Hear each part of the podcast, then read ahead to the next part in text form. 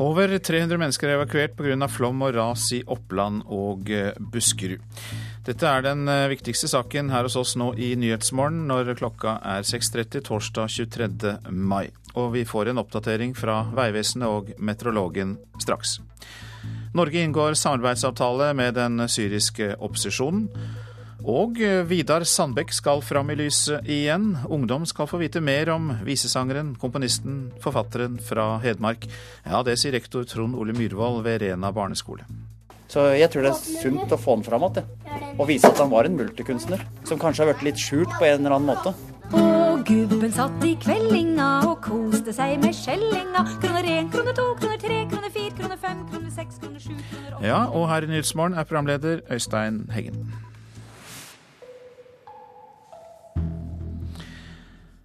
Flom og store vannmengder lager kaos i Sør-Norge. Flere steder er folk evakuert fordi vannet går langt over sine bredder, eller det er ras og stein som kommer ned fra fjellsidene.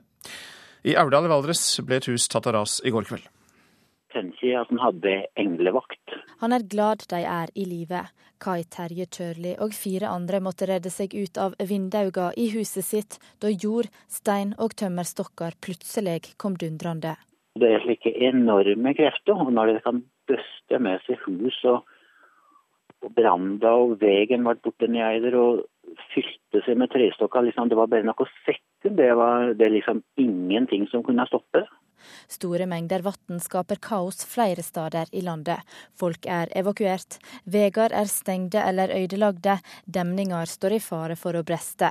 Flere jernbanestrekninger er stengt fordi det er vann i og rundt sporet. Jord og stein raser. I Gudbrandsdalen har de problem med å få kontroll over vassmassene. Rundt 260 personer er evakuert fra Kvam i Nord-Fron grunnet flaumen. Rådmann Arne Sandbu sier at situasjonen er uoversiktlig. Ja, den er veldig krevende. Eh, Vi må være veldig ærlige på det at eh, det er en uoversiktlig situasjon eh, der eh, mange har det fryktelig tøft nå i eh, disse timene. I Nesbyen måtte 21 personer forlate husene sine i natt, da et 20 meter bredt ras med stein og jord kom skremmende nær. De kjørte på egen hånd ned til eh, hotellet, og det, alt står bra til med alle. Sier operasjonsleder i Nordre Buskerud politidistrikt, Kjell Magne Tvenge. Nå er det folk fra kommunen som er på stedet og vurderer eh, situasjonen. og Så får vi en tilbakemelding fra dem eh, hva som skal gjøres videre. Og denne oppdateringen var laget av Eirin Årdal. Flommen herjer altså, og eh, vi hører da om omkjøringer og ødelagte og stengte veier. Anniken Island, du er trafikkoperatør for Statens vegvesen i region sør. Og da vil vi gjerne høre fra deg om den oppdaterte veisituasjonen. Eh, Ja, vi har vært heldige i Region Sør i forhold til det vi akkurat hørte nå om Europa Europavei 6 i Gulbrandsdalen og rv. 3 i Østerdalen. Vi har hatt eh, det verste hos oss i Buskerud og Telemark. Verken Agder eller Vestfold er spesielt berørt av eh, all nedbøren. Eh, Det vi har i Telemark, så har vi stengt fv. fylkesvei 37 mellom Åmot og Rauland pga. flom. Eh, Vi har stengt fv. fylkesvei 44, Valebø. Det er en veldig populær vei mellom Skien og Notodden. Pga. oversvømmelse. Og så fikk vi eh, et jordras på fv. 359 mellom eh, Ulefoss og Lunde i natt. Men der rydder de for uh, harde livet, så vi regner med at veien er oppe igjen uh, ganske snart. Selv om det da ikke er så ille lenger sør som uh, lenger opp i dalførene, Anniken Island, så er det jo en del dere må håndtere. Og hva gjør dere for å rette opp situasjonen? Ja, nå har vi vært klar over at det skulle bli en del nedbør, så både Buskerud og Telemark har jo vært veldig forberedt med å også skaffe en del mannskap, og de står eh, klar med full beredskap for å ut på veinettet og reparere skader og skilte omkjøring. Hva forventer dere kan komme framover av ødeleggelser og nye ras? Nei, eh, nå er det jo meldt eh, oppholdsvær fra i ettermiddag rundt her, da. Og her jeg sitter nå, så kan jeg nesten se at sola skinner i Vestfold. Så eh, vi håper at vannstanden synker nå framover.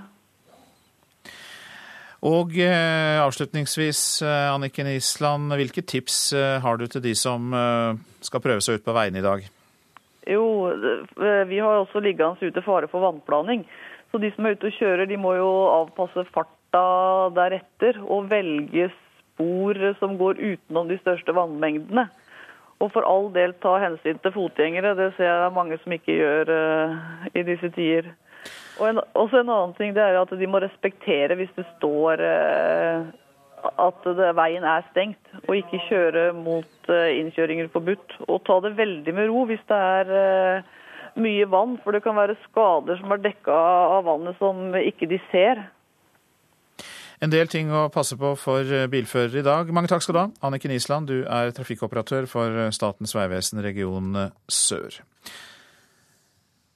Jan Smits, du er statsmeteorolog, er ved Meteorologisk institutt nå, så da må vi jo ty til deg for å vite hvordan været blir utover dagen. Ja da, det var det. Det ser ut som det blir mindre nedbør i hvert fall i disse hardest rammede områdene enn det som det var i går. Så det har fortsatt med litt nedbør i hvert fall en periode utover natta, men siste del av natta så har det dabba ganske betydelig av mange steder, og noen steder er det helt oppholdsvær nå. Men vi har et bygeværsområde som eh, er på vei inn mot de sørligste delene av Østlandet nå de neste timene og skal bevege seg nordover. Så i løpet av dagen så vil det nok kunne bli eh, noen regnbyger som, som går i disse områdene. Det kan være litt intens nedbør i kortere perioder, men eh, de varer ikke så veldig lenge av gangen, slik at totalt sett så er mengdene nedbør mye mindre i dag enn det vi, vi hadde i går. I løpet av tolv timer i går f.eks. så hadde vi nærmere 47 mm nedbør på målestasjonen vår på Lillehammer.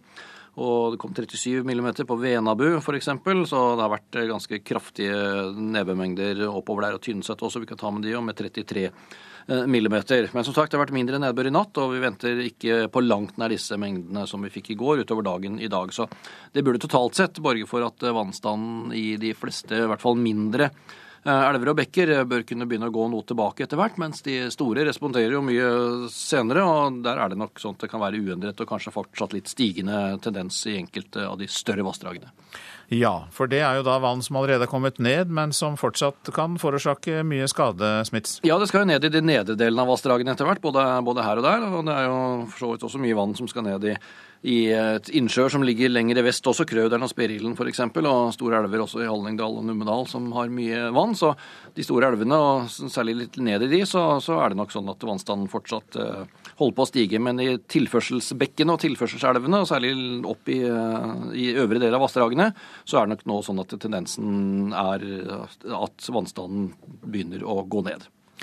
Sånn oppsummert, eh, Jan Smits, kan det jo være greit bare å presisere hvilke områder som kan fortsatt få en del nedbør i dag. Du nevnte jo det innledningsvis, men eh, skal vi være helt spesifikke geografisk? I dag er det faktisk mest nedbør i Agder-fylkene, men også der så er nedbøren i ferd med å trekke seg eh, unna. Det er et lavtrykk som ligger nå sånn over området Lindesnes-Kristiansand omtrent, og det beveger seg mot sør-vest ut i Nordsjøen. Og da trekker den nedbøren som er i Agder også nå, seg videre da utover i havet. Mens det er et byggeværsområde som jeg nevnte, som kommer inn etter hvert mot den sørlige delen av Østlandet. altså på, på østsiden av lavtrykket, og beveger seg da nordover i den sørlige luftstrømmen som du har da på østsiden av dette lavtrykket. Så det er det bygeværsområdet som kommer til å gi nedbør. Det er litt vanskelig å si hvor det blir mest, da, men eh, de fleste stedene på Østlandet vil nok eh, kunne få nedbør i form av byger i dag. Også i Agder og Telemark så vil det kunne gå en del byger. Takk skal du ha, Jørn Smits, statsmeteorolog ved Meteorologisk institutt. Så eh, tar vi en titt på avisene, men vi kommer nå tilbake til eh, mer oppdatering om eh, vær og flom etter hvert. Og her drukner Sør-Norge, sier VG til sitt forsidebilde som viser skadene. Nå tror ekspertene riktignok at det blir noe bedre. Store tap i vente etter flommen, det er Nasjonens oppslag. Kan bli like ille som i 2011, da naturskadene kom opp i 300 millioner kroner. Sporene vi etterlater oss på nettet er storbutikk, skriver Aftenposten. Forretningsgiganter kjemper om å utnytte disse informasjonene om oss først og best. Opprør blant DNB-ansatte, skriver Dagens Næringsliv. Over 5000 ansatte berøres av omstilling. Nå trues sjefen med rettssak av fagforeningene i banken. Rekordraske boligsalg kan både selger og kjøper tape på, skriver Bergensavisen. Men meglerne er fornøyde med rekordrask omsetning på salg av boliger. Bergen er raskest i landet med en gjennomsnittlig omsetningstid for bolig på 13 dager. Rune Øygard vurderer krav om erstatning, skriver Dagbladet. Forsvarsteamet bekrefter at krav om erstatning for urettmessig straffeforfølgelse blir vurdert, fordi Øygard ikke ble dømt for seksuell omgang med barn under 14 år.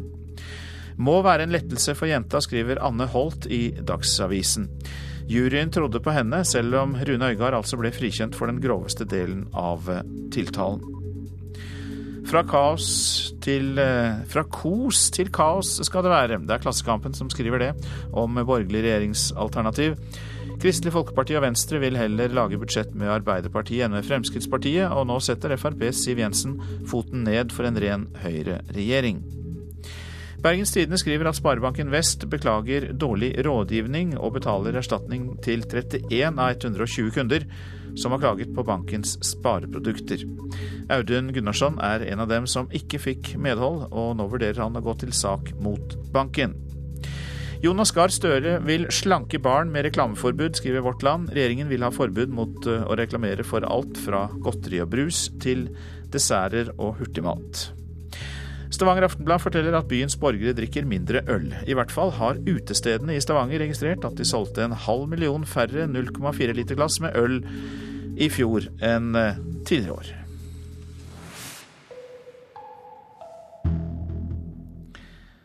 Oppland eh, Arbeiderparti har eh, ikke vurdert om de skal ekskludere Rune Øygard fra partiet. Det er heller ingen umiddelbare planer om det. Det sier fylkesleder Kjersti Stenseng etter at lagmannsretten kjente den tidligere ordføreren skyldig i seksuelle overgrep i går. Jeg tror nok at det er en sak som vil prege, prege Oppland Arbeiderparti en stund framover. Etter at Skype-samtaler med seksualisert innhold ble kjente under tingrettssaka i høst, ba fylkeslagsleder Kjersti Stenseng Øygard om å trekke seg som ordfører. Etter dommen i tingretten i desember gikk han av. I går dømte neste rettsinstans, lagmannsretten, han for seksuelle overgrep mot jenter som var under 16 år. Spørsmål to. Ja med flere enn seks stemmer. Men fylkeslaget har ingen umiddelbare planer om at dommen skal få flere politiske konsekvenser. Nei, Øygard er ikke lenger tillitsvalgt i Arbeiderpartiet og har ingen verv i Arbeiderpartiet lenger. Så om det får noen andre og ytterligere konsekvenser enn det, det har ikke noe kommentar til i dag. Stenseng sier de ikke har tenkt gjennom om Øygard bør bli ekskludert fra Arbeiderpartiet etter dette. Det er ikke noe vi har vurdert, og det er heller ikke noe som må ta til stilling til eller vurdert eh, så langt. Ordfører er han ikke lenger. Han har ingen andre verv. Men kan han drive valgkamp, dele ut roser, stå på stand? Det er ikke eh, problemstillinger som har vurdert til stilling til nå eh, når saken har pågått. Det viktigste nå er at vi får en avslutning på saken. og så spørsmål som det, det må ta stilling til hvis det skulle bli aktuelle problemstillinger. Er dere redd for at han kan bli en belastning for partiet videre framover, hvis han er politisk aktiv? Nå har ikke Rune Nønn tillitsverv i Arbeiderpartiet. Han er ikke tillitsverv, han har trukket seg som ordfører. Eh, og eventuelle og hypotetiske spørsmål nå, det er ikke tidspunktet å ta stilling til det nå. Dette innslaget var laget av Håvard Grønli. Norge har signert en avtale med den syriske opposisjonen. Statssekretær Torgeir Larsen, du har møtt den syriske nasjonalkoalisjonen i Istanbul i Tyrkia. Hva slags avtale har Norge inngått? Vi har inngått en, en, intensjonsavtale med dem når det gjelder uh, vår støtte til, uh, til opposisjonen. Uh, det handler både om et svært program når det gjelder opplæring av lokalråd inne i, i Syria, forberedelse til gjenoppbygging og, og flere andre elementer. Samtidig som det her er forpliktelser for opposisjonen når det gjelder internasjonale humanitær rettsstandard på, på bakken, at de skal jobbe for det. Eh, og Det er et, et uttrykk for, eh, for, vår støtte til, eh, til å, å, bygge en, en, kraftigere opposisjon, som er avgjørende viktig for å få til en, en politisk løsning som er eneste utvei for det blodbadet vi nå utfolder seg på, på Syrias side. Ja, Hvor ligger håpet om en politisk løsning? Vi, vi, ser i dag enda tydeligere enn for uh, bare noen måneder siden at uh, en militær løsning uh, det, det, er det ikke på kort sikt eller mellomlang sikt, eller kanskje til og med lang sikt. Og Det synker nok inn hos stadig flere. Samtidig så er den regionale delen av, av dette, dette blodbadet enda tydeligere. den eh, erkjennelsen eh, er viktig. Og, og, noe av håpet nå er eh, at eh, amerikanere og, og russere eh, har da gått sammen med dette initiativet for å få til en konferanse. Eh, Genéve 2 eh, kaller de det, om ikke veldig lenge. Den konferansen jeg er på nå, av, som Nasjonalkoalisjonen avholder i Istanbul, handler jo om deres holdning til det. Vi håper at de og andre er i stand til å spille der. Eh, Det kan være en begynnelse på en, en vei som, eh, som må etableres eh, mot en, en politisk løsning ut av, av den forferdelige krigen som, som raser. Tilbake til denne avtalen dere har inngått med den syriske opposisjonen. Den inneholdt jo bl.a. hva Norge kan bidra med, men så inneholdt den jo også da noen forpliktelser som opposisjonen gir når det gjelder hvordan de skal opptre. Men ja, du har vel ingen garantier for eh, menneskerettigheter og demokrati, selv om de kommer med sine forpliktelser? Ingen eh, garantier, det er helt riktig. Eh, Og det skjer forferdelige brudd på, på alle mulige sider. Samtidig vet vi at det å ikke engasjere opposisjonen og, og, og kreftene i forhold til å arbeide for respekt for, for grunnleggende humanitære rettigheter, la være å skyte på sykehus, eh, ikke angripe hjelpearbeidere, eh, det er ingen løsning. Så det vi engasjerer i, eh, det er å, å, å gjøre sitt eh, for å, eh, å bedre situasjonen, forplikte seg til internasjonale standarder. Og, og det har de gjort. Eh, De ønsker å framstå som eh, en grunnstand i et framtidig eh, Syria. Det støtter vi. Eh, Samtidig sier vi at eh, for å få det til, så må de også eh, modne til å kunne ta det ansvaret som det internasjonale samfunnet forventes. Takk skal du ha, statssekretær Torgeir Larsen, som altså var med på telefon fra Tyrkia, der han har møtt den syriske nasjonalkoalisjonen. Dette er Nyhetsmorgen, og klokka den har passert 6.47. Vi har disse hovedsakene. Over 300 mennesker er evakuert pga. flom og ras i Oppland og Buskerud. Norge inngår altså avtale med den syriske opposisjonen. Og salget av DVD-spillere stuper. Norsk filmbransje er bekymret. Mer om det snart.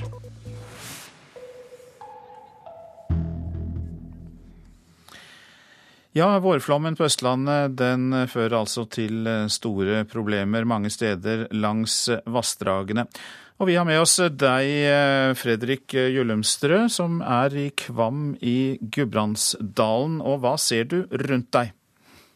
Akkurat nå så er det enorme vannmasser som eh, sveiper over hagene til personer som bor midt i Kvam. Jeg kan telle fire hager på rad som eh, det bare renner en svær elv over hagene deres.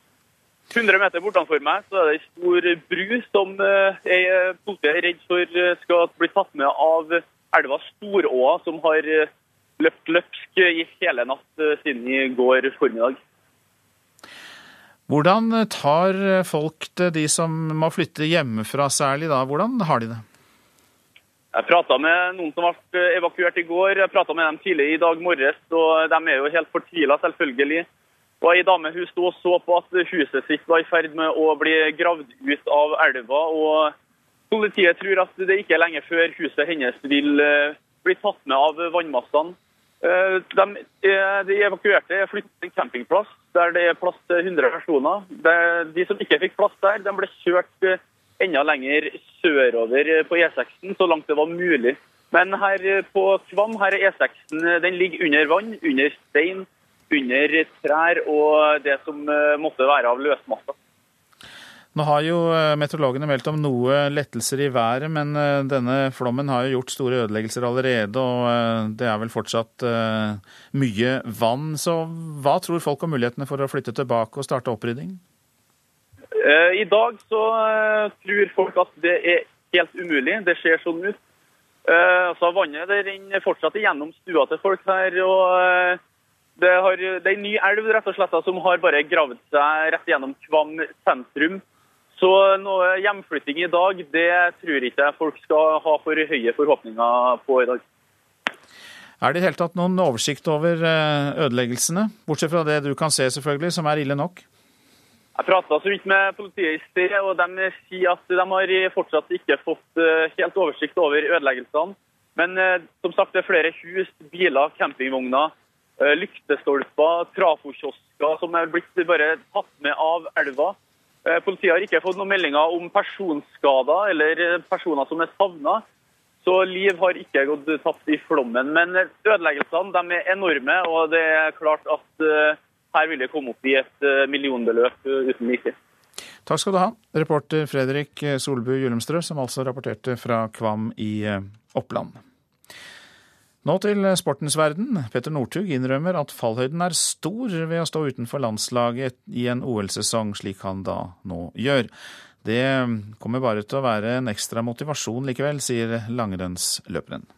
Den fallhøyden har jeg vært der hele tida, uansett om jeg har vært på lag eller ikke. og Den kommer alltid til å være der. så... Men det, det får man bare bruke som motivasjon å leve med. Forrige uke ble det klart at verdens beste langrennsløper går ut av det norske landslaget og satser alt på egen hånd i en meget viktig OL-sesong. I går inngikk han en meget lukrativ sponsoravtale med Coop, og nå bestemmer Mosvik-gutten alt selv. Jeg får litt mer styring i egen hverdag og legger opp samlingsplanen sjøl og, og bestemme i tillegg hvem som skal være, stå nærmest meg i form av det med, med behandling og det som har med skitesting og og likeens eh, det treningsmessige. Også faren Jon Northug, som får en sentral rolle i teamet rundt Northug, innrømmer at det å stå utenfor landslaget kan føre til dårligere resultater. Her er det store utfordringer. Han velger, et, bort et, et, godt opplegg på landslag, men føler at han må gjøre nye ting for å få nok motivasjon og inspirasjon.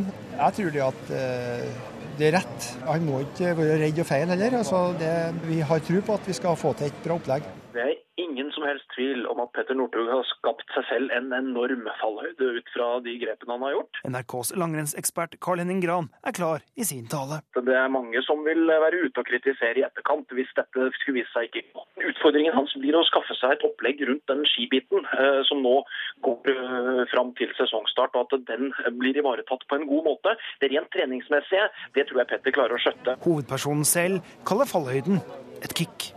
Eh, det har alltid egentlig vært et kick, så det, det, men sånn er, sånn er, det bare. Man må, man må bruke det, det alt, alt, sånne ting må man snu til noe positivt og bruke som motivasjon. Petter Northug der, og reporter Anders England. Salget av DVD-spillere stuper. Den kan bli historie om tre-fire år. Salget av Blu-ray-spillere veier riktignok opp litt av nedgangen, men på langt nær nok. Og norsk filmbransje er bekymret. Du har den, egentlig. Det er en Sony-spiller.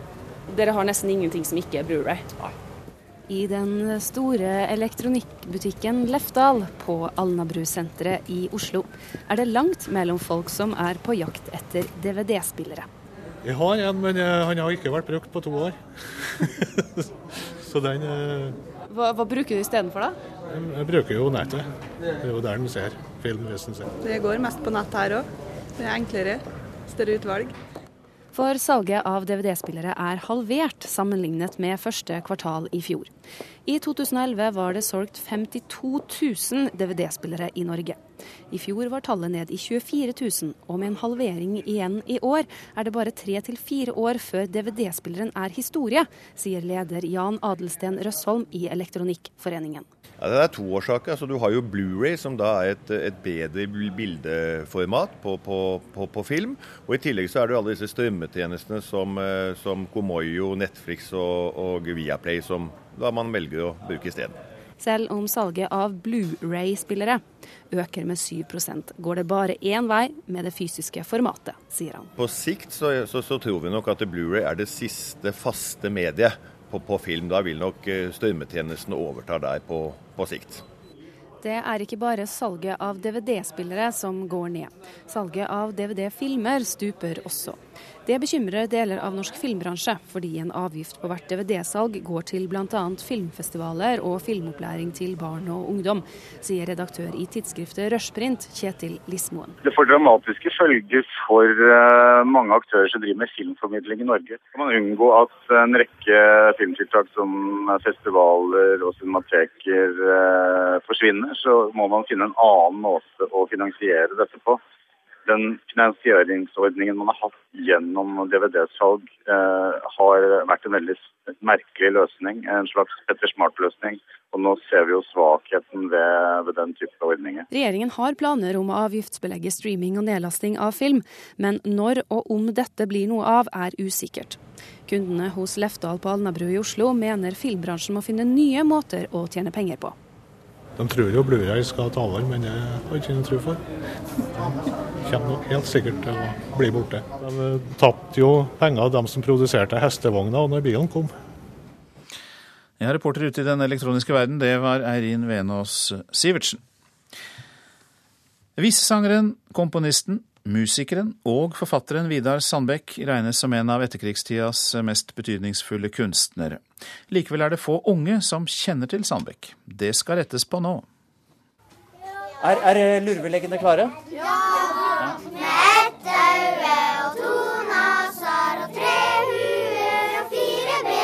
De synger Vidar Sandbekk av full hals, 2A på Rena skole. Det er ungdom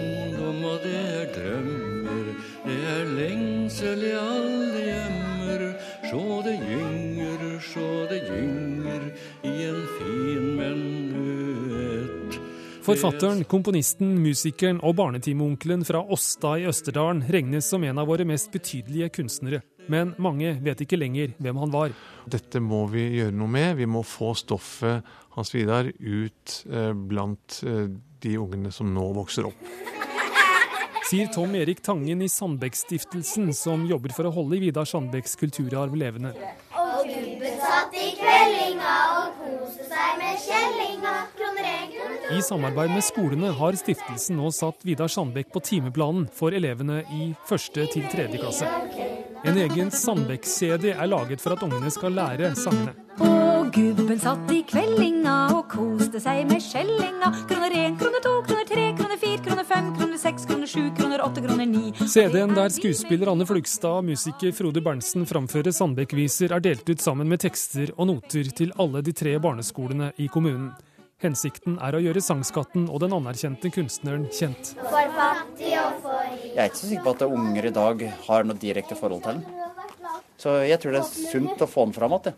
Og vise at han var en multikunstner. Sier rektor Trond Ole Myhrvold ved Rena barneskole. Jeg tror at i en periode nå så har han blitt litt glemt. Rektoren mener Vidar Sandbekk ikke har fått den oppmerksomheten han fortjener, og sier det er viktig at skolen setter Sandbekk på timeplanen.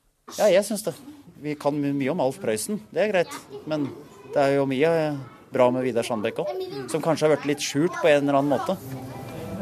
Nå spilles det Sandbekk-viser hele tida på Rena skole. Da er det pengegaloppen her, tror jeg. Nå hører de på nå, vet du. Så det er Sandbekk hele tida, til og med i matpausa? Det blir litt i matpausa òg. Det er artig, da. Hva syns du om de sangene dere driver og øver på, da? Ja, ganske bra. Kjempebra. Jeg syns det er morsomt å synge. Og det var Stein S. Eide som vekket til live våre minner om eh, Vidar Sandberg. Så skal vi si litt om værvarselet i dag. Fjell i Sør-Norge unntatt Langfjella først. Noen regnbyger, snø over 1000 meter. I kveld stort sett opphold. Langfjella for øvrig østlig eh, stiv kuling utsatte steder. Regnbyger, snø over 1000 meter. Fra utpå ettermiddagen skiftende bris og lettere vær først i sør. Så tar vi Østlandet. Enkelte regnbyger utpå dagen forbigående økende nedbørsaktivitet, men eh, lite nedbør lengst i nord. Fra seint i ettermiddag lettere vær. Først kommer det lette været i sør. Telemark regnbyger, utpå ettermiddagen oppholdsvær og lettere skydekke. Først kommer dette lettere været sørfra. Og Agder enkelte regnbyger, i kveld opphold og lettere skydekke. Rogaland dreining til østlig opp i liten kuling. I ettermiddag dreiende sørøst. Enkelte regnbyger. Fra i ettermiddag lettere vær. Hordaland nordlig liten kuling. I ettermiddag dreiende østlig og minkende. Perioder med litt regn, men for det meste opphold. Sogn og Fjordane på kysten nordlig stiv kuling. Fra i ettermiddag bris. For det meste oppholdsvær. Møre og Romsdal nordøst liten kuling på kysten av Sunnmøre. Etter hvert opphold og perioder med sol. Trøndelag litt regn av og til. Først på dagen, seinere opphold. Nordland pent vær, men noe skyet på Helgeland. Troms og Finnmark for det meste pent vær, kort og godt. Og Nordensjøland på Spitsbergen sludd, etter hvert regn. Temperaturer klokka fem. Svalbard minus to. Kirkenes åtte. Varde ni. Alta tolv. Tromsø elleve. Bodø 13. Brønnøysund 14. Trondheim åtte. Molde fem. Bergen, Stavanger og Kristiansand seks. Gardermoen 11, Lillehammer åtte. Røros seks. og Oslo 13 grader.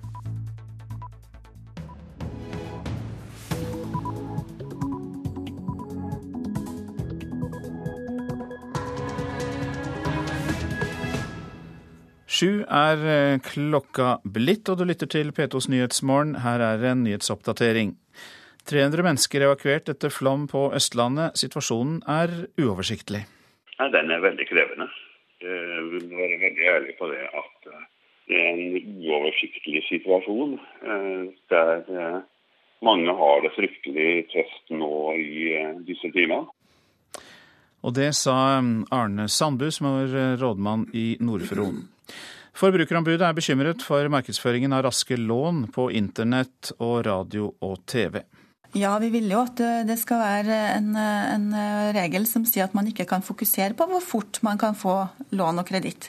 Fordi at Det er ikke akkurat eh, hvor raskt det kan gå som skal være fokus når du tar opp et lån. Det skal være hvor mye koster det, og har jeg råd til å betale tilbake. Forbrukerombud Gry Nergård. Salget av DVD-spillere stuper. DVD-spilleren er trolig historie om tre-fire år. Storbritannias statsminister David Cameron kaller drapet på en soldat i London for barbarisk og frastøtende. Nå skjerpes sikkerheten ved alle militærforlegningene i London. Etterforskningen pågår for fullt. Gry Blekastad Almås rapporterte der fra London. Og vi skal altså ta med at norske statsråder dropper å møte på de fleste uformelle EU-ministermøtene som de er invitert til. Ja, flom og ras skaper kaos flere steder i landet, og det er ikke slutt ennå. Folk er evakuert, veier stengt, demninger står i fare for å briste. I Aurdal i Valdres ble et hus tatt av ras i går kveld. I Kvam i Nord-Fron, der trykket fra vannet vel er verst, er 260 personer evakuert, og du er også der, reporter Fredrik Solbu Jullumstrø. Hvordan ser det ut rundt deg der du er? Akkurat her står nå, står ved E6, som for øvrig har blitt bare til ei stor elv. Og vannet ser ut som å stige. Det har begynt å regne akkurat nå igjen, og vannet stiger litt. Jeg har måttet passe meg fra der jeg sto i sted.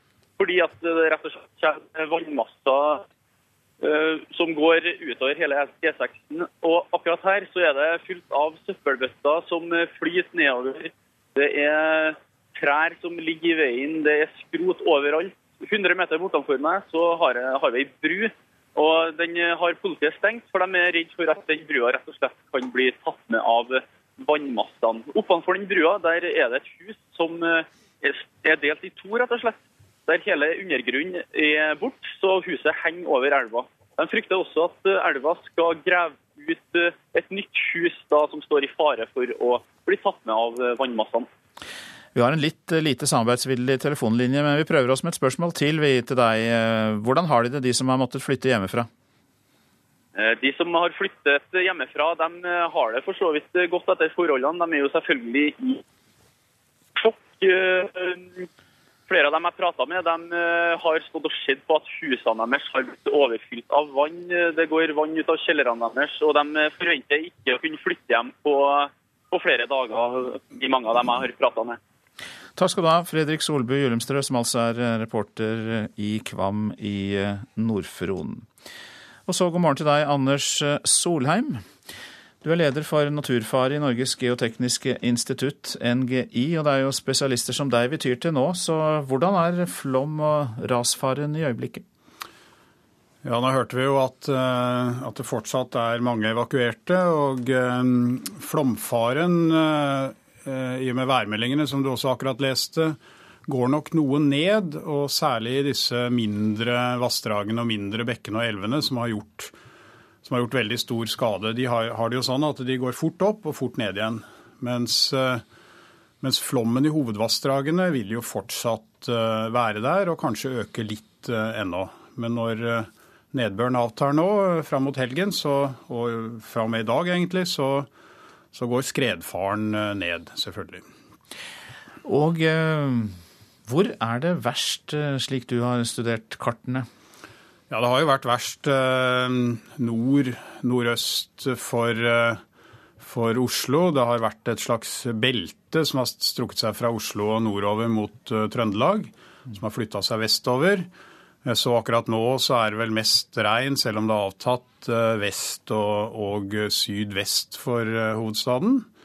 Men det er klart at dette nord-syd-beltet har beveget seg vestover. Og vi ser jo Valdres og Nesbyen og, og disse områdene på, på det store Østland, for å si det sånn. Hva bør folk gjøre for å sikre seg, i den grad de kan det? Ja, det er jo et stort spørsmål. Det er klart at når, når bekker og elver tar nye løp, så er det ikke så veldig mye man kan gjøre. Men det man kan gjøre når sånne situasjoner oppstår, det er jo å følge med på, på vannet, rett og slett. Og sørge for at all drenering er åpen, at ikke kulverter og grøfter går tette. Og følge med på bekkene hvis man bor i områder hvor, hvor en bekk er lagt om, eller at en bekk er lagt i rør så er det all grunn til å følge med på, på, det, og ikke minst der hvor den pleide å gå i gamle dager. Det er ofte det som skjer, at den finner tilbake til det naturlige løpet. Er dette uvanlige flomtilstander for eh, Norge på våren? Ja, det, det er jo ikke så lenge siden pinseflommen i 2011, hvor mye av de samme områdene, Kvam, Nesbyen, Valdres, fikk trøkket. Det er nok en situasjon som med den, de klimaprognosene vi har, blir vanligere. Og som vi definitivt bør forberede oss på kommer igjen hyppigere. Takk skal du ha, Anders Solheim, som altså er leder for naturfare i Norges geotekniske institutt, NGI.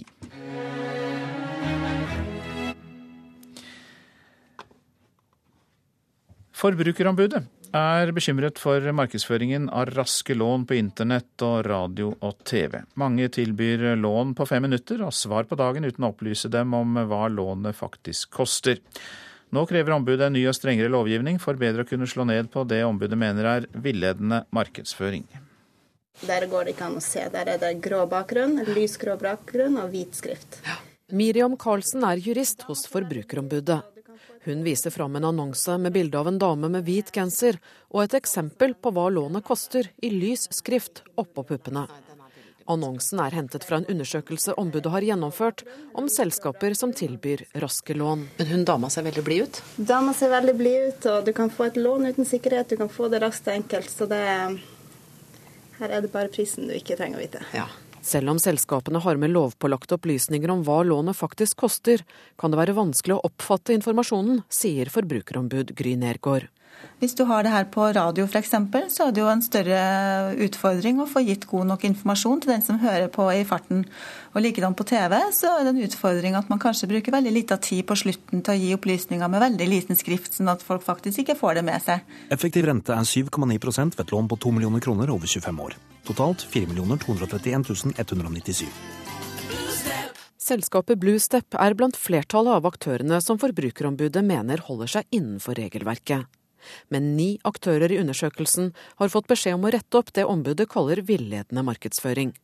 Selskapet BB Finans har fått kritikk for ikke å opplyse om den høyeste renta på lånet de tilbyr, og har nå valgt å etterkomme ombudets pålegg, forteller sorsjef Espen Johannessen. Vi har snakket med Forbrukerombudet og har allerede etterkommet eh, dette kravet fra de.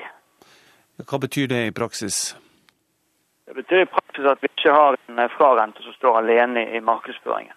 Undersøkelsen viser at denne formen for markedsføring ikke har økt. Likevel ønsker Forbrukerombudet seg nå en ny og strengere lovgivning, forteller Gry Nergård. Ja, vi vil jo at det skal være en, en, regel som sier at man ikke kan fokusere på hvor fort man kan få lån og kreditt.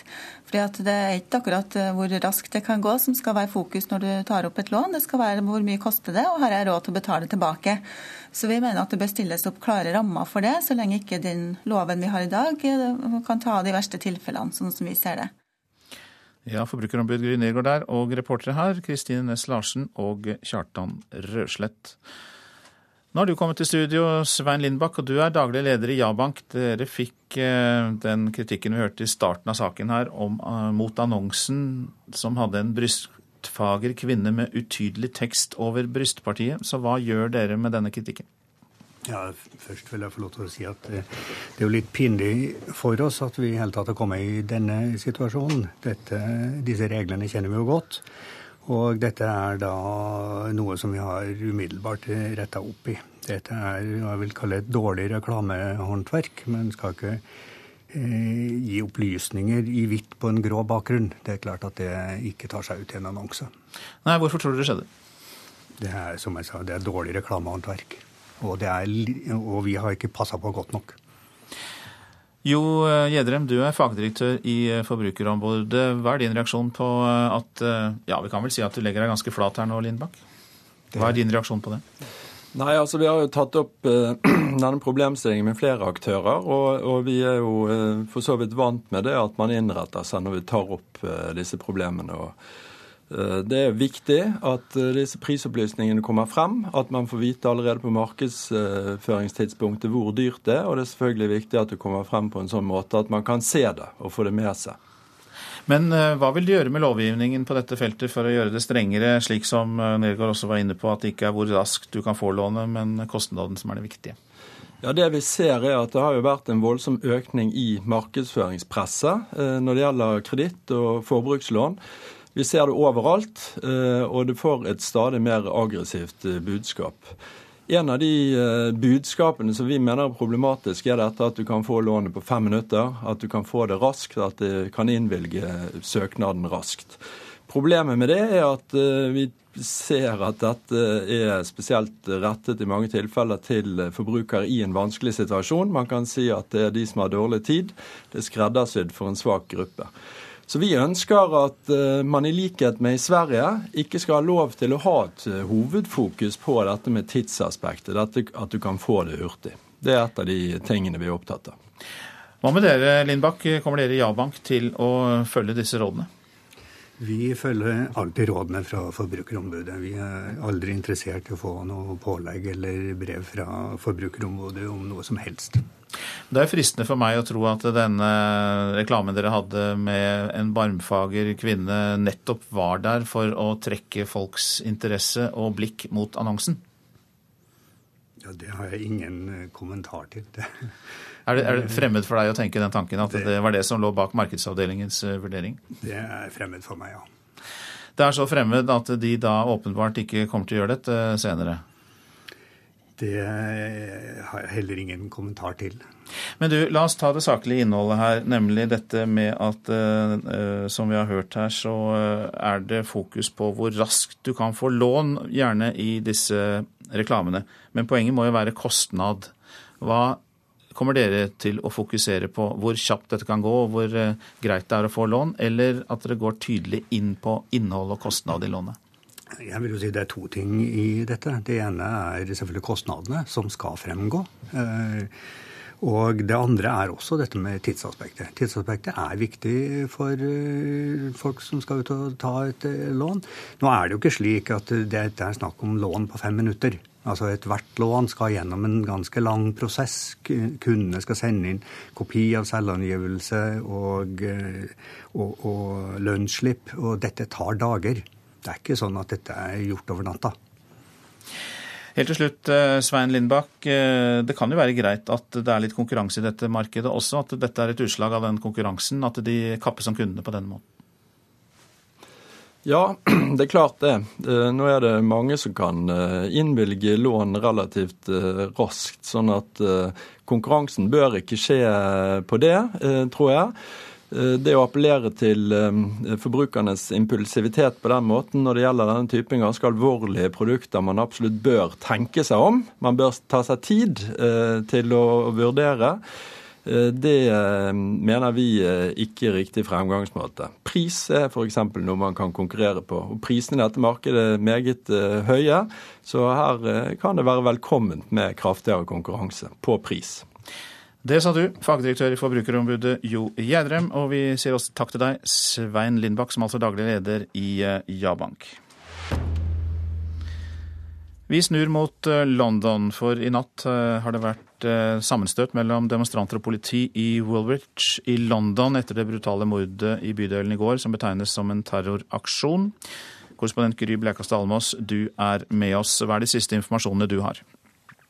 Nei, Det er jo det da at disse uh, ca. 100 demonstrantene fra English Defence League har uh, vært i sammenstøt med politiet. Et, en aggressiv demonstrasjon som jo da retter seg mot gjerningsmennene bak det brutale mordet i går, men også mot uh, islamister uh, i sin alminnelighet. Det har i tillegg vært også angrep på enkeltstående moskeer rundt omkring, så det kan jo se ut til at vi her nå får en eskalering av en, en dem mot oss-følelse, og at den retter seg også mot vanlige muslimer, noe som er en, en skummel utvikling på bakgrunn av denne hendelsen i går.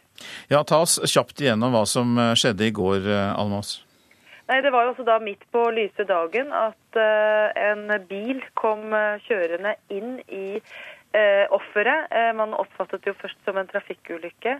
Og så var det to gjerningsmenn som da gikk løs på en mann som etterpå blir omtalt som en soldat. som med, med, kniver, macheter og kjøttøkser og, og ordentlig brutalt tok livet av ham. Eh, disse to gjerningsmennene ble på stedet etter drapet, snakket med forbipasserende, ønsket å bli filmet og ventet nærmest på politiet som kom til stedet 20 minutter eh, senere. Eh, og Da prøvde de også å angripe politiet, men ble skutt. Så nå ligger de begge hardt skadet på, på sykehus. Det er jo en bestialsk hendelse som skjedde altså på på, eh, midt på dagen, som du sier. Hvordan forholder myndighetene seg til det som skjedde? Nei, De betegner jo dette som en terroraksjon og har også handlet deretter. Dvs. Si at de raskt i går ettermiddag møttes i denne Kobra-gruppen, som er regjeringens eh, beredskapsgruppe, hvor de holder seg kontinuerlig oppdatert med politi og etterretning. Eh, de har ikke gått ut og forklart hvorfor de omtaler det som en terroraksjon, men når man hører Eh, disse gjerningsmennenes eh, egne uttalelser, eh, så forstår vi jo at de setter dette i sammenheng med britiske soldaters tilstedeværelse i andre land. Eh, og det man vel nå frykter, er jo at dette ikke er en enkeltstående hendelse, eh, eh, men om det kan være en del av en større konspirasjon, om f.eks. Al Qaida eller tilsvarende grupperinger er involvert på noen måte, eller om disse to handlet helt på egen hånd. Nå møtes også denne Kobra-gruppen igjen i morgentimene for å håndtere situasjonen videre. Takk skal du ha, korrespondent Gry Blekastad Almås, som altså rapporterte fra London. Dette er Nyhetsmorgen. Klokka den passerte 7.17 nettopp. Dette er hovedsaker. Over 300 mennesker er evakuert pga. flom og ras i Oppland og Buskerud. Forbrukerombudet er bekymret for markedsføringen av raske lån på internett og radio og TV. Og Norge inngår en samarbeidsavtale med den syriske opposisjonen. Norske statsråder dropper å møte på de fleste uformelle EU-ministermøtene de er invitert til. Det gjør at utenforlandet Norge går glipp av kontakt og en unik mulighet til å påvirke EUs politikk før den blir eh, norsk eh, lov. Og det skjer til tross for at Utenriksdepartementet sier møtene bør prioriteres, og at regjeringen skal føre en mer aktiv europapolitikk. En politikk som for øvrig skal diskuteres i Stortinget i dag. Norge har et utenrikspolitisk handlingsrom i vårt samarbeid med EU som regjeringen bruker aktivt. Vi må komme tidlig nok på banen. Tidlig og presis. Aktiv norsk tilnærming i første fase. Hørte før? Regjeringens mantra er at Norge skal tidligere inn i prosessen i EU, utnytte handlingsrommet og føre en mer aktiv europapolitikk. Det er et stor forskjell på ord og handling. Høyres Ine Eriksen Søreide leder Stortingets utenriks- og forsvarskomité. Norge har vært invitert til sju uformelle ministermøter i EU dette halvåret, men bare deltatt på ett av dem med en statsråd. Jeg syns det er veldig synd, fordi Norge går glipp av mange muligheter til innflytelse. Vi er ikke medlem i EU, og dermed må vi bruke de arenaene vi har til å søke innflytelse for norske interesser. Det er en god måte å knytte kontakter med kollegaer, og ikke minst så er det en god måte å påvirke tidlig i prosessen på. Nettopp fordi de uformelle ministermøtene er arbeidsmøter der man kommer inn før lovgivningsprosessen starter. Men det kan Norge like gjerne gjøre med en statssekretær som en statsråd, svarer utenriksminister Espen Barth Eide, som minner om at regjeringen også deltar på mange andre EU-møter. Det er viktig som en del av vår europapolitikk at vi både viser interesse, er til stede og sier fra uh, hva vi mener om de ulike fagfeltene. Så vi prioriterer høyt å delta. Og det er vel bare ett av disse møtene hvor vi ikke har hatt deltakelse på politisk nivå. Og som tidligere statssekretær så kan jeg si at uh, det fungerer fint å stille med statssekretær, og det er også mange EU-land som selv gjør det. Det heter ministermøte, men det er i prinsippet åpent både for minister og viseminister. Ja, hvert halvår så arrangeres det flere uformelle ministermøter i det landet som har EU-formannskapet. Eh, og det er ingen selvfølge at Norge skal bli invitert, rett og slett fordi vi ikke er EU-medlem. Og derfor så bruker både UD og eh, ambassaden i det landet formannskapet holdes, og EU-delegasjonen voldsomt mye ressurser på å sikre Norge invitasjoner til disse uformelle ministermøtene. Og da sender det et forferdelig dårlig signal at norske statsråder likevel ikke stiller opp. Og de gir oss eh, ikke de mulighetene til innflytelse som vi kunne hatt. Reporter her, det var Sigrid Sollund. Professor Fredrik Sejersted, god morgen. God morgen, god morgen. Du jobber ved Senter for europarett ved Universitetet i Oslo. Du ledet jo også Europautredningen som kom i fjor og tok for seg EØS-avtalen og Norges forhold til EU. Så da tyr vi til deg. Og eh, ja, vi hører her at bare én av sju statsråder takket ja til eh, møte på et uformelt eh, ministermøte. Og hva forteller det deg? Det forteller meg at norske statsråder generelt ikke prioriterer dette arbeidet godt nok. Eh, det er riktig som det ble sagt at Utenriksdepartementet jobber hardt for å få invitasjoner til norske statsråder til å møte på disse uformelle møtene. Eh, så det er ikke utenriksministerens skyld, men hans kolleger i regjeringen eh, prioriterer ikke dette godt nok. Og her er det en viss avstand mellom ord og handling, fordi offisiell politikk fra regjeringens side er at man skal prioritere dette veldig høyt. Men det følges da ikke nødvendigvis alltid opp. Nå ble det sagt her at det ofte er en statssekretær som kommer isteden. I engelsktalende land så heter jo det ofte junior minister, junior secretary. Så det er kanskje ikke så ille, det er jo også en politiker. Det kan sikkert fungere greit, men i utgangspunktet så er dette ministermøter. Og, og, stort sett er det ministre som møter. Eh, og jeg vil si at for norske statsråder er det enda viktigere enn for deres kolleger i EU. fordi um, i EU så har statsrådene uh, formelle, ordinære møter hele tiden, og der møtes de. Der er jo ikke norske ministre invitert. Men så har de av og til disse uformelle samlingene for å diskutere politikk. Og da er det Norge av og til klarer å få en invitasjon. Så jeg vil si at det er enda viktigere for norske statsråder, for dette er den eneste arenaen de har til å treffe kontaktnettverket av europeiske kolleger og diskutere den politikken som, som til syvende og sist eh, også får betydning for Norge. Hvilke signaler sender vi EU på denne måten? Ja, det er jo litt som at man eh, selv eh, forsøker å bli invitert på en fest, og så får man invitasjonen etter mye om og men, og så møter man jo ikke opp. Så, så det er klart det er, et, det er et litt uheldig signal. Dette er vel langt på vei det du fant ut gjennom Europautredningen også? Ja da, vi i Europautredningen gikk gjennom disse tallene tilbake til 2007 og, og kartla det. Og, og over tid så, så, viste våre tall at norske statsråder deltar i litt under halvparten av de møtene hvor de klarer å få invitasjon, ca. 40% I de andre tilfellene så er det omtrent likelig fordelt at de sender statssekretærer, eller at de sender folk fra embetsverket. Hva tror du er årsaken at eh, ministeren ikke har tid, at det er eh, andre ting som er viktigere, eller er det det at disse uformelle møtene likevel ikke betyr så mye for Norges mulighet til å påvirke? Det er nok eh, sammensatt, og for en norsk statsråd i en travel hverdag så er det kanskje eh, der og da naturlig at man ikke prioriterer å dra til Brussel på et uformelt ministermøte, hvor man er til gjengjeld bare sånn halvveis med, med gjengen. Men samtidig så er det et symptom på at eh, norske politikere ikke ikke engasjerer seg spesielt i europapolitikken, med, med noen veldig hederlige unntak, bl.a. utenriksministeren. Og det har å gjøre med vår tilknytningsform til EU. For vi, er, vi, overtar de lover og regler som kommer ut av EU, men vi er ikke politisk med i prosessene. Og derfor er det ikke så mye å hente for norske statsråder tilsynelatende i politisk gevinst i å delta i dette. Men, men det er ikke mindre viktig for nasjonen av den grunn. Takk skal du ha, professor Fredrik Sejersted, som altså jobber ved Senter for europarett ved Universitetet i Oslo. Så skal jeg se litt på avisen og fortelle det videre. Her drukner Sør-Norge, er oppslaget i VG, men nå tror ekspertene at det blir eh, bedre vær. Store tap i vente etter flommen er nasjonens oppslag. Kan bli like ille som i 2011, da naturskadene kom opp i 300 millioner kroner. Sporene vi etterlater oss på nettet er storbutikk, skriver Aftenposten. Forretningsgigantene kjemper nå med å utnytte disse sporene først og best. Opprør blant DNB-ansatte, skriver Dagens Næringsliv. Over 5000 ansatte berøres av omstilling. Nå trues sjefen med rettssak av fagforeningene i banken. Rekordraske boligsalg kan både selger og kjøper tape på, skriver Bergensavisen. Men meglerne er fornøyde med rekordrask omsetningstid. Bergen er raskest i landet med en gjennomsnittlig omsetningstid for boliger på 13 dager.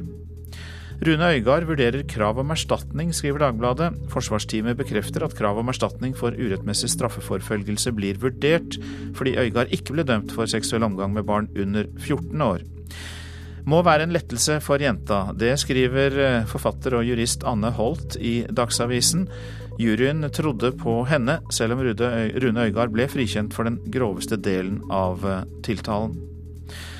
Fra kos til kaos, skriver Klassekampen om det borgerlige regjeringsalternativet. Kristelig Folkeparti og Venstre vil heller lage budsjett med Arbeiderpartiet enn Fremskrittspartiet, og nå setter FrPs Siv Jensen foten ned for en ren høyreregjering. Borgerlig samarbeid det blir også tema i Politisk kvarter om ja, 20 minutter. Bergens Tidende skriver at Sparebanken Vest beklager dårlig rådgivning og betaler erstatning til 31 av 120 kunder som har klaget på bankens spareprodukter. Audun Gunnarsen er en av dem som ikke fikk medhold, og nå vurderer han å gå til sak mot banken. Jonas Gahr Støre vil slanke barn med reklameforbud, skriver Vårt Land. Regjeringen vil ha forbud mot å reklamere for alt fra godteri og brus til desserter og hurtigmat. Stavanger Aftenblad forteller at byens borgere drikker mindre øl. I hvert fall har utestedene i Stavanger registrert at de solgte en halv million færre 0,4 liter glass med øl i fjor enn eh, året før.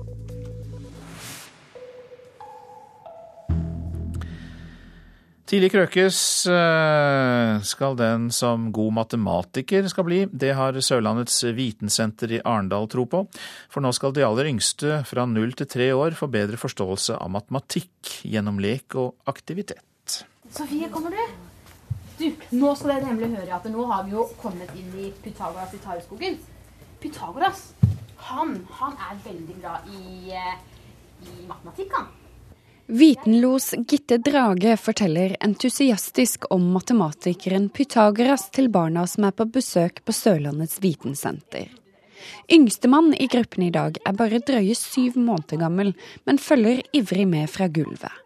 For nå har Vitensenteret i Arendal laget en ny utstilling for de aller yngste barna mellom null og tre år. Her har vi en puttevegg med kuber og eh, pyramider og kuler eller baller. Så nå putter de eh, i eh, kubene og finner eh, den formen som passer. Så da jobber vi både med for så vidt og finmotorikk og det motoriske, men òg se sammenhengen mellom todimensjonale og tredimensjonale former. Samtidig som prøver jeg som voksen prøver å sette ord på og navn på de tingene de gjør, og det de holder på med. Og kaller en kube en kube. Prosjektet er det første av sitt slag i landet, og har allerede fått nasjonal oppmerksomhet. Formålet er å vekke en tidlig interesse for matematikk og realfag, forteller leder for senteret, Kine Vangerud. Norge egentlig generelt har jo barn eh, i skolen i dag som presterer for dårlig i matematikken. Jeg tror ikke det er noe spesielt med de barna som går i skolen i dag som tilsier at det skal være noen god grunn til at det skal være sånn. Så, så vi skaper en arena hvor barn og, og voksne sammen blir bevisst dette med, med, språket, som gjør at det da blir det mye lettere med matematikken. For matematikken er ikke så komplisert. Den er ikke, den er ikke det. Vi må bare jobbe litt mer med den, og så må vi begynne litt tidligere. Kan du kule trylle, egentlig? Fordi de er fulle. Ja, fordi de er runde. Hele utstillingen baserer seg på at barna skal lære gjennom lek og aktiviteter. Vi her på Vitensenteret tror jo at veldig på det å lære mellom å gjøre. Og det er jo det som vi også gjør her i, eh, i Pythagoras i Tareskogen. At vi eh, bruker kroppen min og lærer, og da husker jo kroppen vår til neste gang. Så det, nå har vi jo klatra mye oppover og nedover, og da gjør de erfaringene med kroppen. Eh, så veit de hva det begrepet betyr. Denne reportasjen var laget av Benedicte Goa Ludvigsen. Vil du spise mer fersken? Mer om hvordan greske ferskenprodusenter frir til norske forbrukere i reportasjen etter Dagsnytt. Borgerlig samarbeid er tema for Politisk kvarter, der et knippe toppolitikere møtes. Knut Arild Hareide, Jan Tore Sanner, Ketil Solvik-Olsen og Trine Skei Grande. Prosent for Nyhetsmorgen i dag, Marit Selmer Nederlid. Her i studio, Øystein Heggen.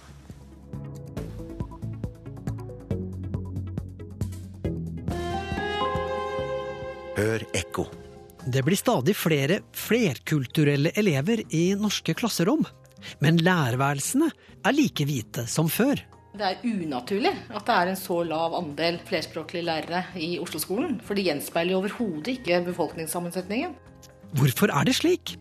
Ekko 9 11 i NRK P2.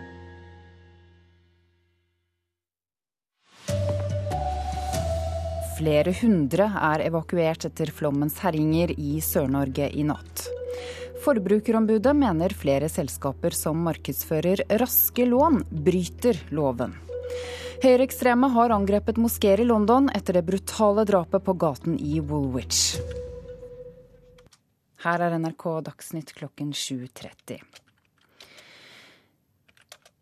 I natt ble 41 personer evakuert ved demningen på Holt i Eidsvoll i Akershus. Grunnen er frykt for at demningen skal briste. Og reporter Petter Sommer, hvordan er situasjonen der nå? Ja, Opp til demningen kommer vi ikke. Jeg står ved veien her ca. tre km fra demningen. Får ikke lov å komme nærmere av politiet, og heller ingen andre. Den er langt oppe i skogen her, og de husene som ligger under er selvfølgelig evakuert fremdeles. Selv om regnet har gitt seg her på Eidsvoll, så bor folk fremdeles vekk fra husene sine. Og i natt så har politiet stått og holdt vakt så at ingen skulle komme seg inn dit og forbi sperringene her. Og jeg står her sammen med Stian Lauritzen, som er politi i Eidsvoll og Hurdal lensmannskontor. Hvordan har vaktholdet gått i natt? Vaktholdet i natt har gått veldig bra. Vi har rett og slett stått der for å ivareta sperringen, og at folk respekterer det, at de ikke beveger seg inn på farlig område. Hvordan går det med demningen nå? Det kan jeg ikke svare på. Det har ikke vært folk der i natt, men det vil bli tatt nye vurderinger utover formiddagen.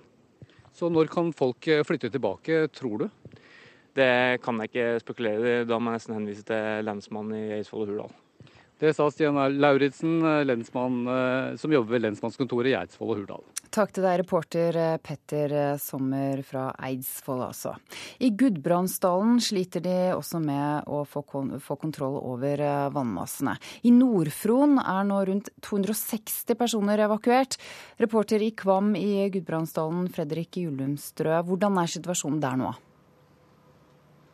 Situasjonen her på Kvam er samme som den har vært i hele morges. Det renner fortsatt veldig mye vann på E6. Jeg står faktisk midt på E6 nå og har vann opp til anklene. Det er ei bru som er i ferd med å Den kan gå, bli tatt med av elva. Politiet har sperra den elva.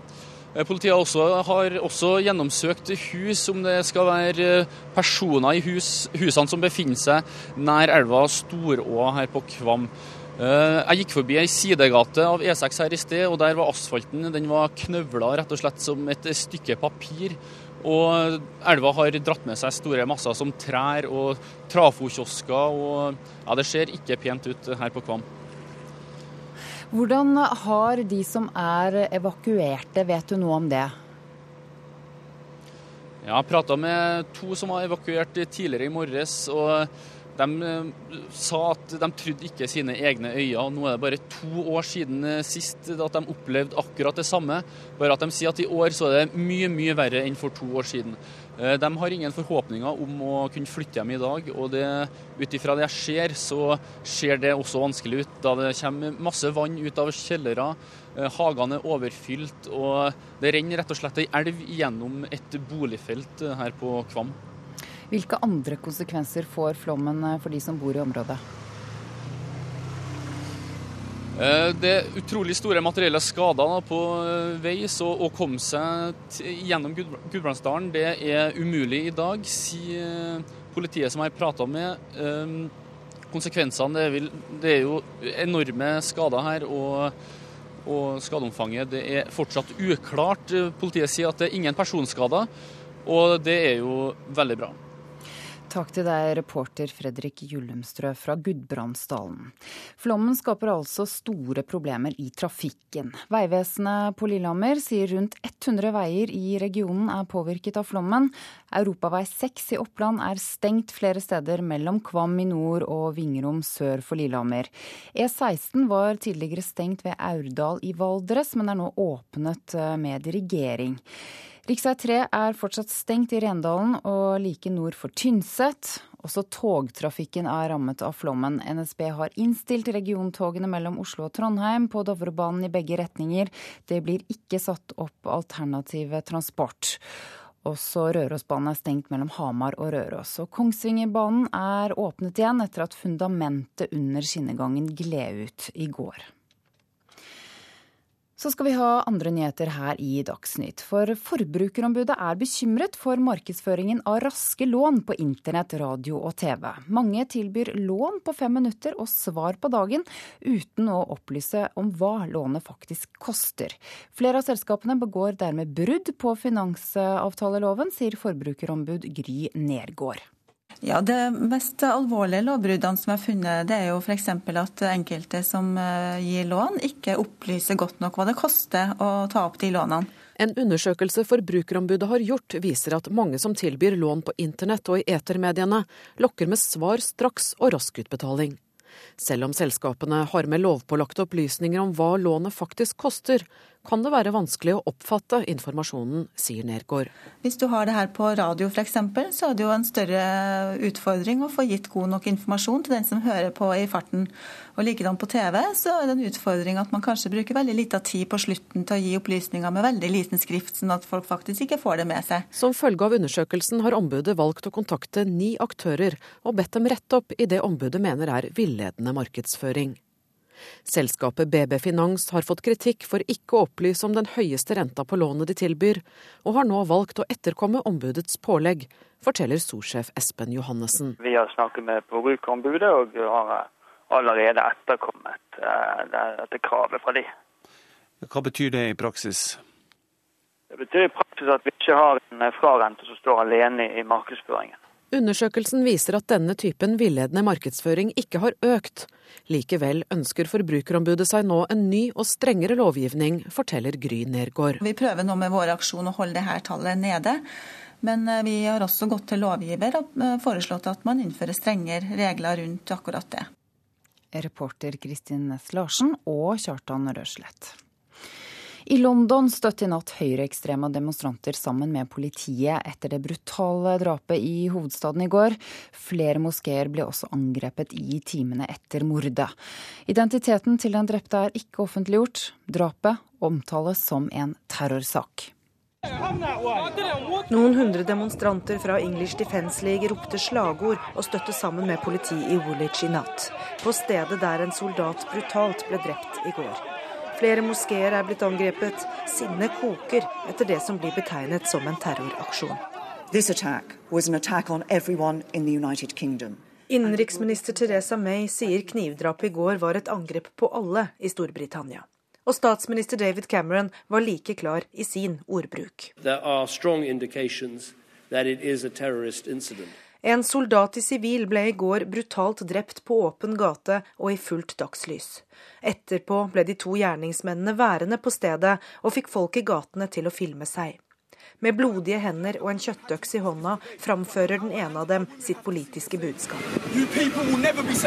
Deretter ble han skutt og skadet av politiet. Parlamentariker Patrick Mercer mener dette er en helt ny form for selvmordsaksjon. It seems like a sort of suicide um, assassination attempt. That, that's, a, that's a departure from anything we've seen before. I morges holdes et nytt krisemøte i regjeringens beredskapsgruppe Kobra. Samtidig er sikkerheten skjerpet på alle militærforlegninger i London. Security has been increased at army barracks across London. Sa innenriksminister Theresa May til korrespondent i London Gry Blekastad Almås. I Stockholm fortsatte opptøyene i natt. Brannvesenet har slukket rundt 90 branner i natt. I forstaden Husby ble det kastet stein mot en politibil. Det ble også satt fyr på minst én bil og knust vindusruter i sentrum, til tross for at mange natteravner og andre voksne var ute i gatene.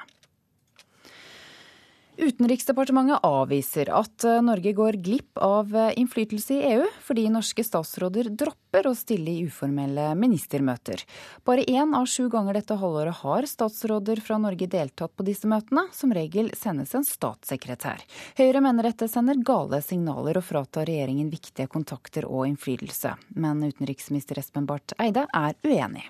Det er viktig som en del av vår europapolitikk at vi både viser interesse, er til stede og sier fra uh, hva vi mener om de ulike fagfeltene. Så vi prioriterer høyt å delta.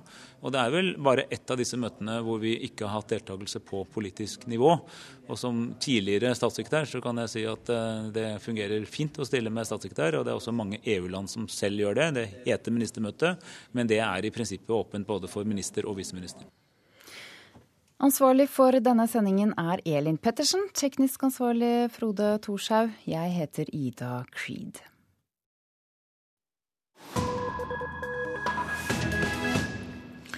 Og du lytter til P2s Nyhetsmorgen. Denne uken gjester greske ferskenprodusenter Norge. Formålet er å få nordmenn til ikke bare å nyte frukten på ferier, men også å importere gresk fersken til Norge. You should uh, think peach uh, because peach is uh, fruit that has many minerals, vitamins and antioxidants. Fordi fersken er helse, og det smaker godt. Fersken er jo en av selvfølgelig mange frukter, men det er en fantastisk smakfull frukt. Det er, en veldig sunn frukt. Det er de beste ferskene i verden, det er de. De er alle enige. Den greske ambassadøren, ferskenprodusentene og Fedon Lindberg. Fersken er sunt, og den greske er i verdensklasse. Derfor vil de at også Norge skal importere frukten fra Hellas. Mine damer og herrer. For å overbevise oss har åtte ferskenprodusenter fra de største jordbrukskooperativene i Nord-Hellas tatt turen til Norge, med støtte fra EU og hjemlandet. Jordbruksutvikling vil være en bærebjelke i løsningen som skal føre oss gjennom denne vanskelige tiden i Hellas. Den greske naturen er vår fordel, forteller ferskenprodusent Papakostas Athanasios til de fremmøtte på SAS-hotellet. Den greske bransjeforeningen Ferskenprodusenter står for den største produksjonen av fersken i Europa, og forteller at de selv merker lite til den økonomiske krisen fordi de hovedsakelig eksporterer sine varer. Men at situasjonen i Hellas er dramatisk, legger de ikke skjul på. Denne uken kom tallene som viser at landet er inne i sitt sjette år på rad med resesjon. Men til tross for skyhøye arbeidsledighetstall på 27% kutt i lønninger og økte skatter, aner man nå en gryende optimisme blant grekerne the economic situation is stabilizing. That means that they are not more talking now about uh, exit from euro, uh, Grexit as uh, they would say, but now we have uh, another term called uh, recovery. that means that uh, Den økonomiske situasjonen er i ferd med å stabilisere seg, og vi snakker ikke lenger om en exit fra eurosonen. Grexit som noen kaller det, men om recovery, å komme oss gjennom dette, forteller ambassadør Antonios Vlavianos. Han viser til statsminister Antonis Samaras privatiseringsprogrammer og forsøk på å stimulere eksporten, bl.a. ved å reise til Kina denne uken. Ferskenprodusentene nøyer seg i første omgang med tre andre land utenfor EU. Norge, Ukraina og Russland der de i tre år skal spre informasjon om gresk fersken. If the consumption in, in uh, Norway increases, it means that we're going to have more exports. Hvis forbruket i Norge øker, øker eksporten, og vi får en bedre anledning til å stabilisere makroøkonomien og ha større forhåpninger til økonomien i Hellas de kommende år, sier Maria Nalmpanti, som leder ferskenprosjektet. I beste fall kan kanskje nordmenns ferskenforbruk føre til en bedre helse her til lands, og en sunnere økonomi i Hellas? Jeg håper det er inderlig det. Det, det må være win-win for, eh, for, begge, så det håper jeg. I likhet med Fedon Lindberg ser ambassadør Antonios Flavianos at det å tenke fersken kan være positivt for begge parter. Yes, I think it is a field where the two countries uh, Ja, jeg tror at dette er et område hvor de to landene kan samarbeide godt, sier ambassadøren til sist. Reportasjen var laget av Charlotte Bergløff. Dette er Nyhetsmorgen, og vi har disse hovedsakene. Over 300 mennesker er evakuert pga. flom og ras i Oppland og Buskerud. Forbrukerombudet er bekymret for markedsføringen av raske lån på internett og radio og TV. Og Norge inngår samarbeidsavtale med den syriske opposisjonen. Og når jeg nå ser meg rundt i studio, Per Arne Bjerke, så virker det som om du har fått til en eh, borgerlig samling i Politisk kvarter. De ikke-sosialistiske partiene er enige om å kaste Jens Stoltenberg, men hva er de ellers enige om?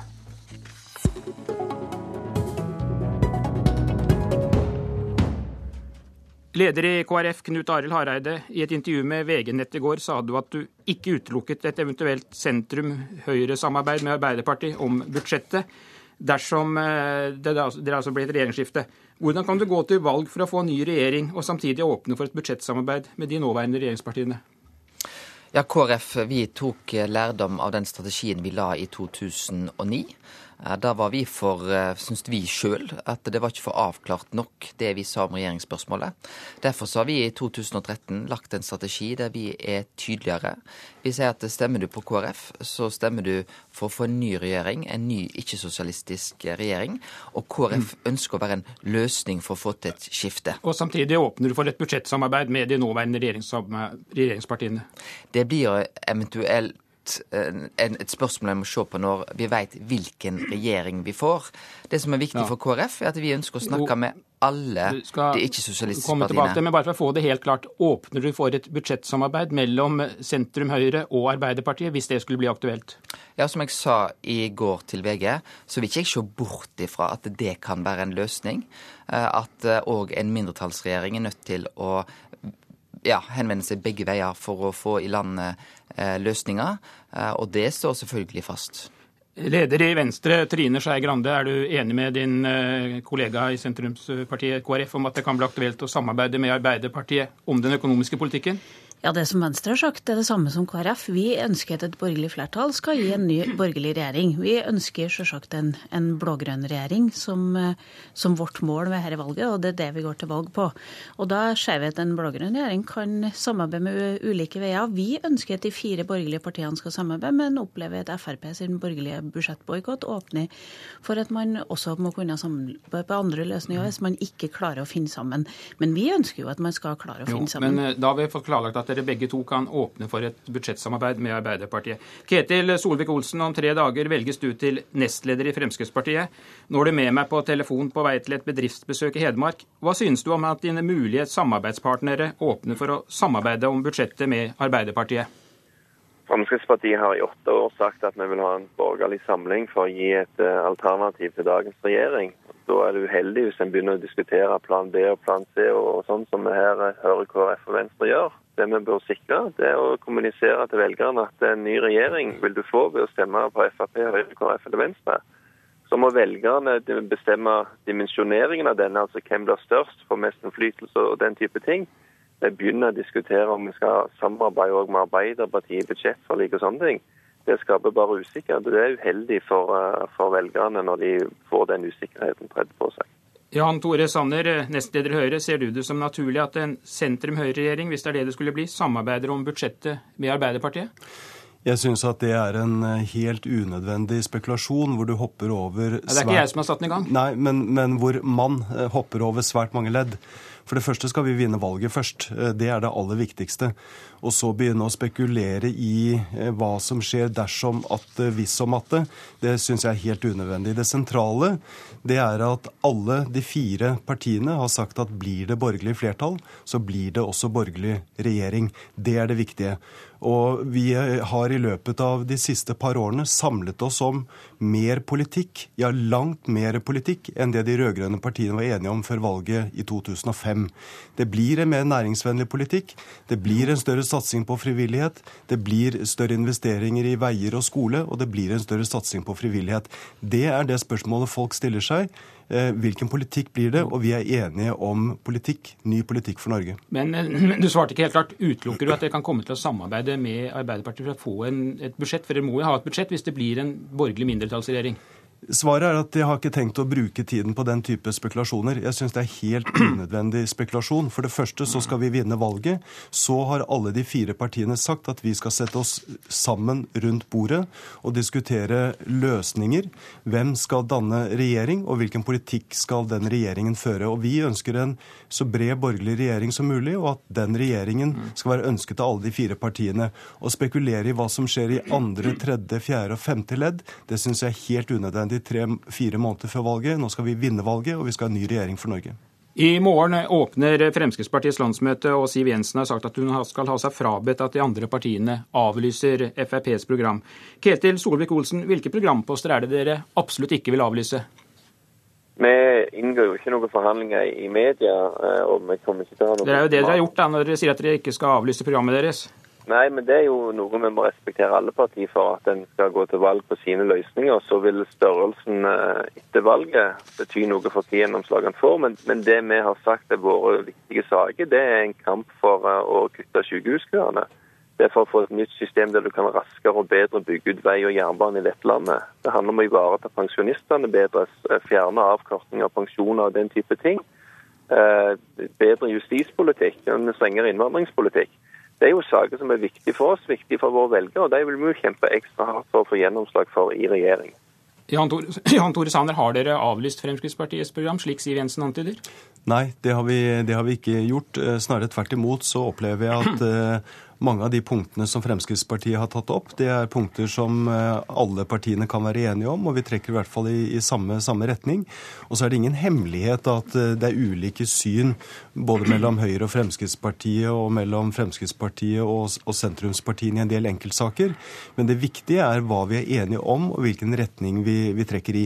Jeg syns det er helt greit, eh, selvsagt, at Fremskrittspartiet trekker frem hvilke punkter de vil slåss for i en, i en ny borgerlig regjering. på samme måte som KrF og Venstre har gjort det.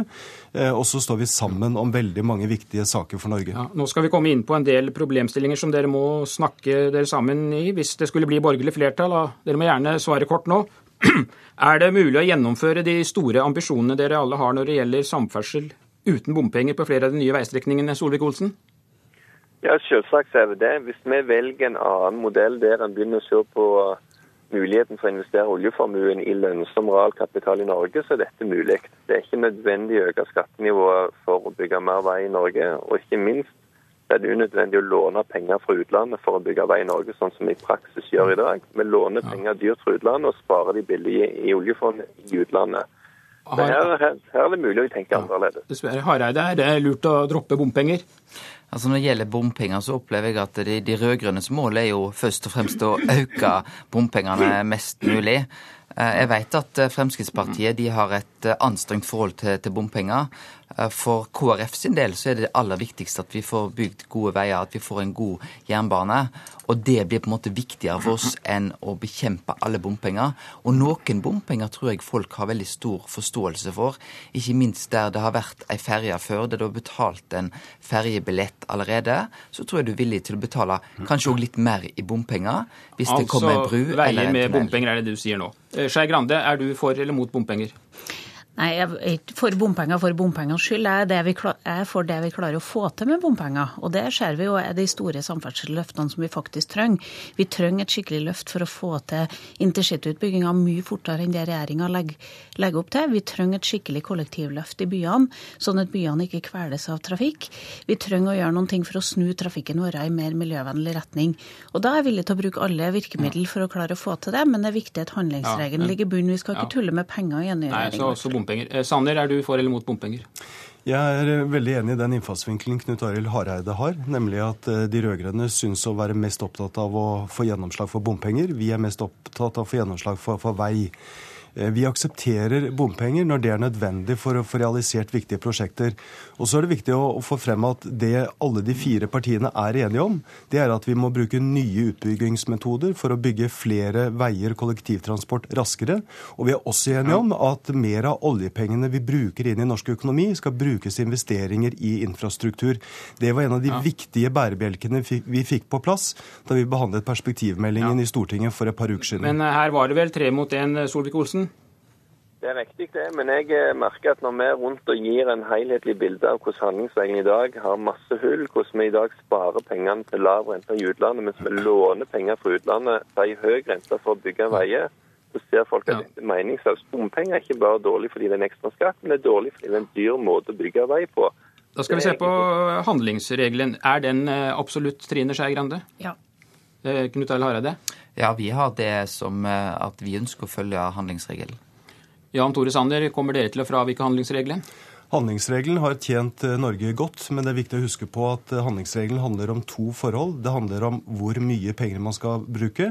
Der er det en kjent sak at eh, Fremskrittspartiet på den ene siden, Høyre, KrF og Venstre på den andre siden har litt ulike synspunkter. Men handlingsregelen handler også om ett forhold til. Det er nemlig hva vi skal bruke oljepengene på. Og der har de fire partiene slått fast at vi skal investere oljepengene i kunnskap, infrastruktur, vekstfremmende skattelettelser. Den delen av handlingsregelen har de rød-grønne partiene gått bort ifra. Den vil vi holde fast ved. Solvik-Olsen, eh, vil dere fravike handlingsregelen for å få gjennomført alle løftene deres? Vi ønsker å forbedre handlingsregelen med at vi i statsbudsjettet begynner å skille mellom Betyr det å bruke mer oljepenger? Vi vil skille mellom forbruk og investeringer. Jeg vil understreke at vårt alternative statsbudsjett er innenfor handlingsregelens 4 %-grense. Men ja, vi vil bruke mer penger enn i norsk økonomi når du kan investere det på en fornuftig måte. Få ned sykehuskøen og ha bedre sykehus. Dette handler om å investere i realkapital. Jeg kan ikke se hvorfor en bevisstløs skal si at hver gang du får en ekstra oljekrone, så skal den kun spares i utlandet. Fremskrittspartiet vil heller spare den og investere i realkapital i Norge når anledningene er gode. Men altså tre mot én også her, kan vi være enige om det? Jo da, men her vil jo de gode argumenter, de gode fakta vinne fram. Og der er jeg ganske sikker på at når valget er over en ikke lenger trenger å være redd for Stoltenberg sin kritikk, så vil vi kunne diskutere dette på en helt annen måte, for dette handler om fornuft. I, I, år så fikk ja, Et lite øyeblikk før eh, jeg er uenig i dommerens eh, konklusjon om, om tre, mm. tre, mot én, fordi at uh, bildet er mer nyansert enn som så. Man kan gjerne diskutere på kronen hvor mange oljepenger man skal, skal bruke. Og der er det en kjent sak at det er ulike oppfatninger. Men, ja, men, for norsk økonomi så er det vel så avgjørende hvordan man bruker pengene. Og det vi har sett de åtte siste årene, det er at de rød-grønne partiene smører oljepengene tynt utover. De fire partiene partiene har vært, eh, vært, og er enige om at mer av oljepengene skal investeres i kunnskap, infrastruktur og vekstfremmende skattelettelser. Ja. Det er svært viktig, og der blir det en ny politikk med en ny regjering. Ok, men Da skal jeg lyst til å komme inn på et nytt emne her, som det har vært mye snakk om eh, de siste ukene. I år fikk bøndene et oppgjør eh, med en ramme på 1,3 milliarder kroner, hvorav omtrent halvparten tas over statsbudsjettet. Bør støtten til bøndene opprettholdes på dagens nivå, eller bør statens overføringer reduseres, Hareide? Jeg tror det er veldig viktig at de som lever av eh, landbruket vårt, skal ha ei god lønn eh, å leve av. Eh, det er sånn at De fleste ting som vi gjør i Norge, er blitt dyrere. og Da er det òg viktig at bøndene, som gjør en veldig viktig jobb, òg opplever det. Eh, Solvik-Olsen, hva mener du? Bøndene har en veldig arbeidsmoral, men de er fanget inn i et system som er basert på gamle prinsipp. I dag er det jo sånn at hvis du har mellom 1 og 16 kyr, så får du 4000 kroner i støtte per ku. Hvis du har mer enn 50 kyr, så får du ingenting i støtte for kyrne over 50. Vi må sørge for at det lønner seg å drive mer effektivt, drive mer rasjonelt. Det betyr at du kan opprettholde god matproduksjon uten at du trenger å bruke like mye penger i subsidier til næringen. Rett og slett fordi at de bøndene som vil satse, vil kunne ha mulighet for det med en Frp-politikk. Men vi skal opprettholde et godt landbruk opprettholde trygg matproduksjon, men med litt andre rammer. Reduserte overføringer, det er det du egentlig sier? Det vil vi ha. rett og slett. Dette, det samme har skjedd i fiskeripolitikken. Der har du nå i dag færre fiskere, men du har ingen subsidier. De lever av sin egen inntekt. For 20-30 år siden så var det stikk motsatt. Landbruket kan òg stå på egne bein i mye større grad, for dette er utrolig flinke, dyktige folk. Men de må få lov til å produsere det de kan. Ikke bli fanget av et system der Senterpartiet tenker gammeldags og planøkonomisk. Skei Grande. Nei, For Venstre er det viktig at bøndene får tilbake makten over sin egen drift. At de igjen blir sett på som selvstendig næringsdrivende. Vi ønsker å beholde støttenivået på dagens nivå, men vi ønsker å gjøre det om. Sånn at det er mulig å utvikle gården sin til et, uh, som en egen bedrift, og ikke være leilending av staten og all den detaljstyringa som ligger i norsk landbrukspolitikk i dag. Sanner, hva sier du? Jeg syns Trine Skei Grande har et viktig poeng at man må se på helheten i landbrukspolitikken. fordi at det handler om, om, reguleringer, om kvoter, om hvordan landbrukspolitikken styres. Vi ønsker å gi bøndene større mulighet til å utvikle gården, utvikle driften. Og så ønsker vi moderate reduksjoner i, i, i, i støtten. Men også der har jeg lyst til å minne om Bondevik II-regjeringen, den forrige borgerlige regjeringen, som kom frem til gode avtaler med landbrukets organisasjoner. Og det var faktisk mindre støy rundt landbrukspolitikken under Bondevik II-regjeringen enn det det har vært under den rød-grønne regjeringen. Sånn er det med Venstre-statsråder. vet du. De får til litt endring uten at det blir så mye bråk. Ja, Der klarte du å få siste ordet i denne debatten. Takk skal dere ha. Det var Politisk kvarter. Jeg heter Per Arne Bjerke.